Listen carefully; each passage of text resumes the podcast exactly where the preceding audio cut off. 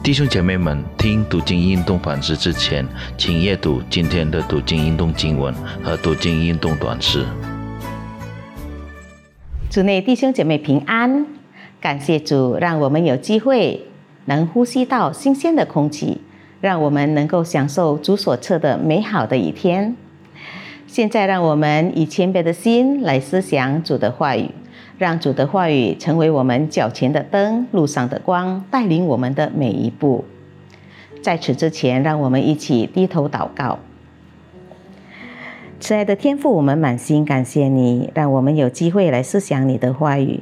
求主赐给我们聪明智慧，使我们能够明白你的话语，遵行你的旨意，讨主你的喜悦。感谢主，祷告奉主名求，阿门。今天我们所要思想的经文取自于约伯记第十八到第十九章，主题是上帝是救赎主。让我们预备我们的心来阅读这段经文，把这段经文读完，然后静下心来思想主的话语。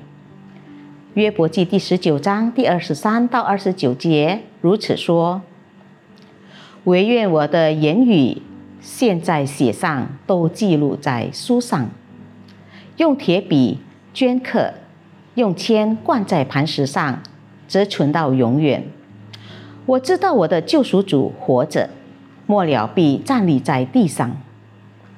我这皮肉灭绝之后，我必在肉体之外得见神。我自己要见他，亲眼要看他，并不像外人。我的心肠在我里面消灭了。你们若说我们逼迫他，要何等的重呢？惹色的根乃在乎他。你们就当惧怕刀剑，因为愤怒惹动刀剑的刑罚，使你们知道有报应。弟兄姐妹们，比勒达支持以立法的观点。认为公义的上帝会赐福一人，不使一人受苦。比勒达说：“恶人的光亮必要熄灭，他的脚步必见狭窄，并陷入祸患之中。”对约伯来说，更令他感到沉重的是，比勒达试图指指出约伯与恶人的相似之处。既受四面惊吓，使他害怕，身体得病，不再住在自己的帐篷中，无子无孙。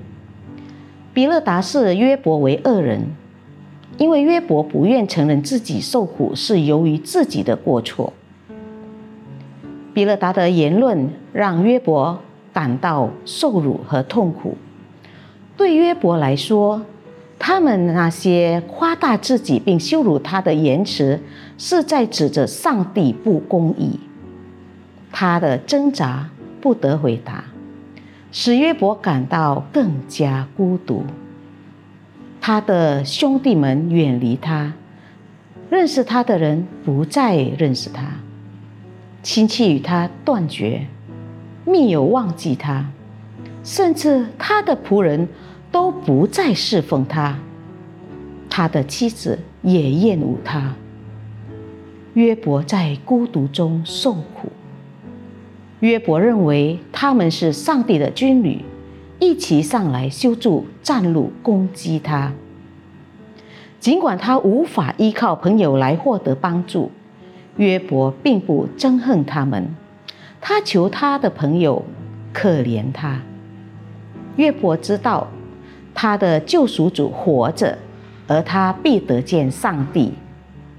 对约伯来说，所有人离弃他是无所谓的，因为永活的上帝才是他的救赎主。